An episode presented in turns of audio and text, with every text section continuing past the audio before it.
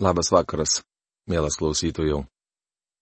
Šiandien, kaip esame įpratę, toliau keliaujame Biblijos puslapiais. Senojų testamentu Jobo knyga. Savo laidą pradedame nagrinėdami devintą bei dešimtą šios knygos skyrius. Tema - Jobo atsakymas Bildadui. Jobas labai aiškiai leidžia suprasti, kad Bildadas visiškai nepatenkino jo poreikio. Net nepriartėjo prie jo problemos. Dabar Jobas paaiškins, kad nepretenduoja į tobulumą ir žino, negalys apsiginti prieš Dievą. Jam reikia to, kuris galėtų atstovauti jo bylą. Išgirsime, kaip Jobas ilgisi tarpininko ir užtarėjo. Kitaip tariant, šis vyras šauksis Kristaus. Tada Jobas atsakydamas tarė. Taip, aš žinau, kad taip yra. Bet kaip žmogus gali būti teisus Dievo akivaizdoje? Jobo knygos devintos kiriaus pirma, antra eilutės. Kitaip tariant, Bildado žodžiuose yra didelė dalis tiesos. Bėda ta, kad jie nepatenkino Jobo poreikio, neatsakė į jo problemą. Žinau, kad apskritai tu kalbėjai teisingai, sako Jobas. Bet kaip aš galiu būti teisus Dievo akivaizdoje? Štai klausimas. Šiuo momentu jam reikėjo Evangelijos, paaiškinančios, kaip žmogus gali būti teisus prieš Dievą. Jobas sako, kad nori išgirsti atsakymą į kelis klausimus, tačiau bičiuliai į juos neatsako. Jei kas užsispirtų stoti su juo į teismą, negalėtų atsakyti į vieną kaltinimą iš tūkstančio. Jis išmintingos širdies, galingos jėgos. Kas kada nors jam priešinosi ir išliko sveikas. Jobo knygos 9 skyriaus 3-4 eilutės. Jobas sako, aš neapsimetinėjau.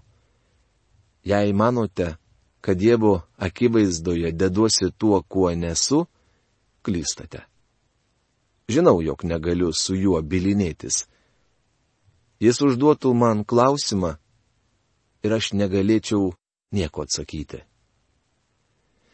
Jobui reikia atsakymų į iškilusius klausimus ir jis nori, kad į juos atsakytų Dievas, kuris dabar taip toli. Jis perkelia kalnus jiems nežinant, nuverčia juos, kai supyksta. Pajudina iš vietos žemę, ir jos stulpai sudreba. Jis sako Sauliai, netekėk ir žvaigždėms nešvieskite. Jis vienas padėjo dangaus skliautą į vietą ir žengė jūros bangomis. Jobo knygos 9 skyriaus 5-8 eilutės. Čia matome nuostabų kurėjo Dievo paveikslą. Jobas pažįsta jį kaip kurėją. Tačiau dar nieko nenutokia apie jo nepaprastą gailestingumą. Jis padarė grįžulo ratus ir šienpjovius, sietyną ir pietų skliauto žvaigždynus. Jis įvykdo didžius darbus, suprasti jų neįmanoma, daugiau nuostabių darbų negu žmogus gali suskaičiuoti. Jobo knygos 9 skyriaus 90 eilutės. Matome, kad Jobas žinojo šitą apie žvaigždės. Tačiau jis nesako, kad vargai užgriuvo jį todėl, kad gimė po tam tikrą žvaigždę. Tai be abejonės vienas iš kvailiausių žmonijos įsitikinimų. Šekspyras atsakė į šį klausimą Marko Antonijaus žodžiais. Kaltos, brangusis, brutai ne mūsų žvaigždės, bet mes patys, nes esame silpni. Jobas žinojo, kad žvaigždės nekaltos dėl jo vargų. Jis pripažino Dievą kaip žvaigždžių kurėją. Štai jis eina pro šalį, bet aš jo nematau. Jis pražingsniuoja, bet aš jo nepajuntu. Jobo knygos 9 skyriaus 11 eilutė. Jobas pažįsta Dievą kaip visatos kūrėją, taip pat žino, kad jis yra dvasia, todėl nematomas. Dievas neslopina savo pykčio, po juo sukniubus ragabo kariauna. Tad kaip aš galiu jam atsakyti, ar žodžiais prieš giniauti? Jobo knygos 9 skyriaus 13-14 eilutės. Joba žino, kad neįrodytų savo nekaltumo Dievo akivaizdoje. Jei Dievas prabiltų į jį, jis nežinotų, ką atsakyti. Jeigu kreipčiausi į jį ir jis teiktųsi atsakyti, netikiu, kad klausytųsi mano žodžių. Jobo knygos 9 skyriaus 16 eilutė. Jobas negalėjo patikėti, kad Dievas iš tikrųjų jo klausėsi. Juk jis plėšo audra mane ir mano žaizdas daugina be priežasties. Atsikvėpti man neleidžia. Sotina mane kartėliu. Jeigu tai jėgų bandymas, tai Dievas sako, štai aš. Jei tai teismo reikalas, tai kas gali pašaukti jį stoti į teismą? Jobo knygos 9 skyriaus 17-19 eilutės. Jobas klausia, kaipgi aš galiu apsiginti prieš jį savo bylą. Nors ir esu nekaltas, mano lūpos pasmerktų mane. Nors esu be priekaištų, jis parodytų mano įdas. Jobo knygos 9 skyriaus 20 eilutė. Jobas sako, jei mėginčiau dėtis tobulu, mano lūpos pasmerktų mane. Visgi vėliau pamatysime, kad Jobas aukštai save vertino. Ne jis ištarė. Aš žinau, kad manyje tai yra mano kūne negyvena gėris kaip užrašyta romiečiams laiško 7 skyriaus 18 eilutėje. Jobas nesako, kad yra tobulas prieš Dievą, bet tvirtina esas pakankamai geras, netgi teisus. Visgi pripažįsta, jog Dievo akivaizdoje apsiginti neįstengtų. Ir šiandien daugelis Dievo žodžio neišmanančių žmonių tiki, galėsia atitikti Dievo standartus ir būsia jam priimtini. Prisimenu vieną Nešvilyje, Tenesio valstijoje gyvenusi naftininką. Jis priklausė verslininkų grupiai, su kuria aš tris kartus per savaitę žaisdavau tinklinį. Šis vyras buvo bedievis, nors ir bažnyčios narys. Mes su juo visuomet žaisdavome skirtingose komandose ir jam labai nepatikdavo prieš mane pralaimėti. Vieną vakarą, pralaimėjęs gana dideliu skirtumu, jis ėmė ginčytis su manimi persirengimo kambaryje. Tas vyras sakė, girdėjau tave kalbant, anomis dienomis radio eteryje skaitydavau rytinius apmąstymus iš Dievo žodžio. Apie religiją, vadinančią nusidėjėliais tuos, kuriems reikia ateiti pas Kristų. Aš to netikiu. Man atrodo, kad svarbiausia padėti žmonėms. Būdamas verslininkas, aš duodu vyrams darbo, moku jiems atlyginimą, kad galėtų nusipirkti pupelių ir turėtų ką valgyti. Manau, tai geriau už bet kokią tavo propaguojamą religiją. Kaip atsakytumėte tokiam žmogui, girdint visiems persirengimo kambaryje susirinkusiems vyrams? Kai kurie iš jų buvo bažnyčiaus nariai, tačiau dauguma bedieviai ir neišgelbėti. Buvo sunku surasti atsakymą. Tačiau praėjo metai ir mes vėl susirinkome persirengimo kambaryje, tik tai naftininko tenai nebebuvo. Jis sėdėjo kalėjime.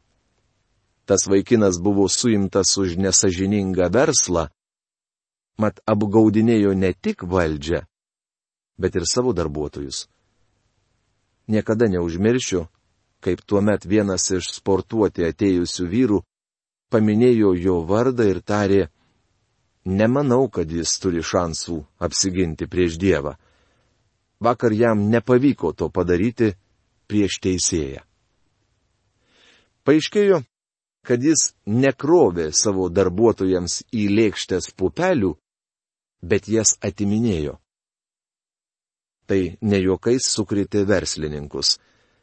Vėliau kelis iš jų mačiau savo bažnyčios tarnavime ir net turėjau garbės vieną atvesti pas viešpatį. Noriu pasakyti, kad žmonių samprata apie Dievą klaidinga. Jie manosi esą pakankamai geri ir dėl to priimtini Dievui. Iš esmės Jobas sako, jei atsistočiau prieš Dievą, jis atrastų manyje ką nors, ko aš nežinau. Tuomet neturėčiau ką jam atsakyti. Jobo širdis ilgisi Kristaus. Juk jis nėra mirtingasis panašus į mane, kad galėčiau jam atsakyti ar stoti kartu į teismą. Jobo knygos 9 skyriaus 32 eilutė. Jobas sako, jei jis būtų žmogus, galėčiau su juo pasikalbėti. Štai kodėl bičiuli Dievas tapo žmogumi, kad žmogus galėtų kalbėti su juo, vaikščioti su juo ir suprasti, kad negali atitikti Dievo standartų. Vienintelis žmogus, atitikęs Dievo standartus, buvo viešpats Jėzus Kristus. Dėl šios priežasties kai kurie nūdienos teatro kino ir literatūros kūriniai yra griniausia šventvagystė. Juose Jėzus ne tik vaizduojamas paprastu žmogumi, bet dar ir nusidėjėliu. Liberalaus tikėjimo šalininkai kalba apie tai jau daugelį metų. Tačiau jie negali parodyti iš Dievo žodžio, kad viešpats Jėzus Kristus būtų nors kartą nusidėjęs. Taip mąstyti juos verčia pajuodusios jų pačių širdys. Mat Jėzus buvo benuodėmis. Kadangi Jėzus buvo žmogus, aš galiu eiti pas jį. Jis numirė už mane ant kryžiaus. Savo gyvenimu jis parodo, kad aš nepajėgus atitikti Dievo standartų ir man būtinas gelbėtojas. Jėzus Kristus gali išgelbėti mane savo mirtimi. Štai ko ilgėjosi negandų ištiktas Jobas. O kad būtų taikintojas tarp mūsų ir uždėtų savo ranką ant mūdviejų. Jobo knygos 9 skyriaus 33 eilutė. Jobas skundėsi, kad tarp jo ir Dievo nėra tarpininko jis graudena, o kad būtų kas nors, kas viena ranka paėmęs už rankos Dievą, o kita mane, galėtų mūsų vesti. Tuomet aš turėčiau tarpininką. Naujajame testamente Paulius rašė jaunam pamokslininkui. Vienas yra Dievas ir vienas Dievo ir žmonių tarpininkas. Žmogus Kristus Jėzus. Pirmas laiškas Timotėjui, antras skyrius, penkta eilutė. Daina, kurioje sakoma, duok ranką žmogui iš Galilėjus, neatskleidžia visos tiesos. Žmogus iš Galilėjus turi kitą ranką ir ta ranka Dievo. Jėzus yra Dievas, bičiuli. Jis kartu Dievas ir žmogus. Tai nuostabi ir šlovinga tiesa. A kaip Jobas ilgėjusi Kristaus. Aš nebenoriu gyventi. Viešai išliesiu savo skundą, išsakysiu savo širdies kartėlį. Jobo knygos dešimtos kiriaus pirmą eilutę. Neturėdamas tarpininko žmogaus, kuris galėtų atstovauti jam Dievo akivaizdoje, jis paprasčiausiai išsakys savo širdies kartėlį. Jobas pavargo taip gyventi ir rengėsi išlieti savo jausmus. Šis vyras tiesiai bei atvirai kalba apie savo sunkę ir apgailėtiną būklę. Sakysiu Dievui, nepasmerk manęs, pasakyk, kuo mane kaltini. Jobo knygos dešimtos kiriaus antra eilutė. Prieš baigdami studijuoti šią knygą pamatysime, kad Dievas atsakys Jobui. Padės jam suprasti apie save tai, ką mums visiems reikia apie save žinoti. Argi tau atrodo gera enkti, niekinti savo rankų darbą ir šipsotis nedorelių užmojams? Jobo knygos dešimtos kiriaus trečia eilutė.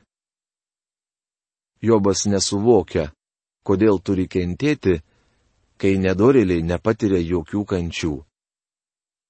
Beje, tokią pačią problemą sprendė Dovydas. Su jie susidūriau ir aš.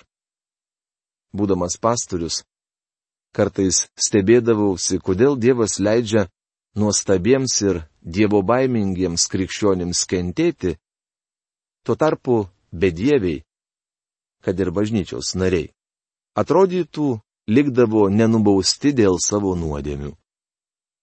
Kurį laiką atrodo, kad jiems pavyko išvengti bausmės, tačiau matau, jog anksčiau ar vėliau Dievas imasi tam tikrų veiksmų.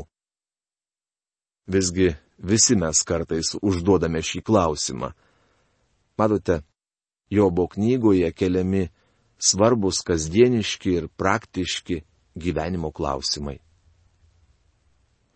Nejau tavo akis kūniškos. Argi ir tu matai taip, kaip mato žmonės? Jobo knygos dešimtos kiriaus ketvirta eilutė. Jobas aprauda savo apgailėtiną būklę. Jis svarsto, ar Dievas mato jo tikrąją padėtį. Dievas tapo žmogumi ir gyveno šioje žemėje dar dėl vienos priežasties. Dabar aš galiu būti tikras, kad šiandien šlovėje yra žmogus, kuris mane supranta kadangi jis buvo toks pats žmogus, koks ir aš, tiksliai žino, kaip aš jaučiuosi. Jėzus Kristus patyrė viską, ką patiriame mes. Bičiuliai žino, kaip aš jaučiuosi. Žino, kaip jaučiatės jūs.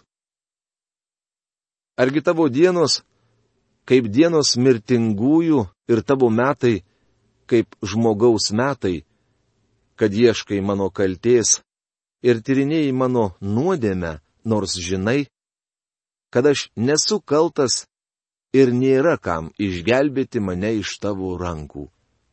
Jobo knygos 10 skyriaus 5-7 eilutės. Dabar Jobas ima gintis. Jis nenori pripažinti, kad jo gyvenime yra didelė nuodėmė. Sako, kad atsidūrė labai keblioje padėtyje. Dievas žino, kad aš nesu kaltas ir visgi negaliu ištrūkti iš jo rankų. Privalau visą tai kesti, nors nesuprantu kodėl. Jobui trūko nusižeminimo, tad Dievas suteiks jam nuolankumo. Ar kada pastebėjote, kad tokių savybių kaip nuolankumas ir kantrybė, Dievas niekuomet nepatiekia mums sidabrinėje lėkštėje. Taip netampama nuolankiu. Kantrybė ir nuolankumas yra dvasios vaisiai, kuriuos žmogaus gyvenime subrandina išmėginimai. Dievas išugdys Jobo nusižeminimą ir kantrybę. Apie Jobo kantrybę užsimenama ir Naujajame testamente. Jokūbas rašo, Jūs girdėjote apie Jobo ištvermę, bet taip pat priduria, ir matėte, kokia buvo jam viešpaties skirta pabaiga, nes viešpats kupinas užuojautos ir gailestingumo. Jokūbo laiško penktos skyriaus vienuolikta eilutė. Jobas nebuvo kantrus iš prigimties. Ši savybė būtų tik sustiprinusi jo pasitikėjimą savimi ir pasididžiavimą. Iš tikrųjų, Jobas nebuvo ištvermingas. Matėme, kad jo kantrybė trūko ir dabar šis vyras, nekantraudamas, šaukėsi viešpaties. Tačiau skaitydami, kokia buvo jam viešpaties skirta pabaiga, matome, kad Dievas išugdė jame kantrybę ir suteikė nuolankumo. Kaip matote, tai Dievo darbas. Ir likčiau tarsi nebuvęs, perkeltas iš iššių tiesiai į kapą. Jobo knygos 10 skyriaus 19 eilutė. Jobas grįžta prie to, nuo ko pradėjo. Ir dar ilgai plėtos tą pačią mintį. Per visus šiuos išbandymus jis troško mirties. Jautė, kad mirtis išvaduotų jį nuo užgriuvusių vargų, jo čia nebebūtų. Jobas mielai užmigtų mirties miegu ir tuomet nieko nebejaustų. Visgi jei manote, gali šią knygą paremti sielos miego doktriną, visiškai klystate. Vėliau Jobas sakys, Juk aš žinau, kad mano atpirkėjas gyvas. Savo kūnų matysiu Dievą. Užrašyta Jobo knygos 19 skyriaus 25-26 eilutėse. Mano draugė, šioje knygoje nerasite mokymo apie sielos miegą. Matome, jog Jobas gailisi, kad iš viso gimė. Jis norėtų visiškai nugrimsti užmarštin. Ir jūs galite to norėti. Ne vien Jobas to troško, bet ir Elijas ir Jona. Vienintelė bėda - tai jums niekiek nepadės. Gailėtis, kad gimiai - tuščias laiko švaistimas. Beje, troškimas numirti jums taip pat nepadės. Dar niekas nenumirė dėl didelio noro palikti šį pasaulį. Įtariu, kad dauguma iš mūsų nerimtai sakome, jog norėtume mirti. Tai tik kalbos. Atsidūrę ant mirties lenkščio žmonės nori gyventi. Manau, jei Jobas iš tikrųjų būtų galėjęs pasirinkti, vargu ar būtų rinkęsis mirtį. Tačiau dabar jis išlėja savo širdį, jo orumas palūšta. Dievui reikės nusigauti iki šio vyro širdies. Daugelio Dievo šventųjų širdys išdidžios ir kietos. Todėl kartais Dievas turi pasielgti su mumis taip, kaip elgėsi su Jobu. Tokia žinia šiai dienai. Iki greito pasimatymo. Sudė.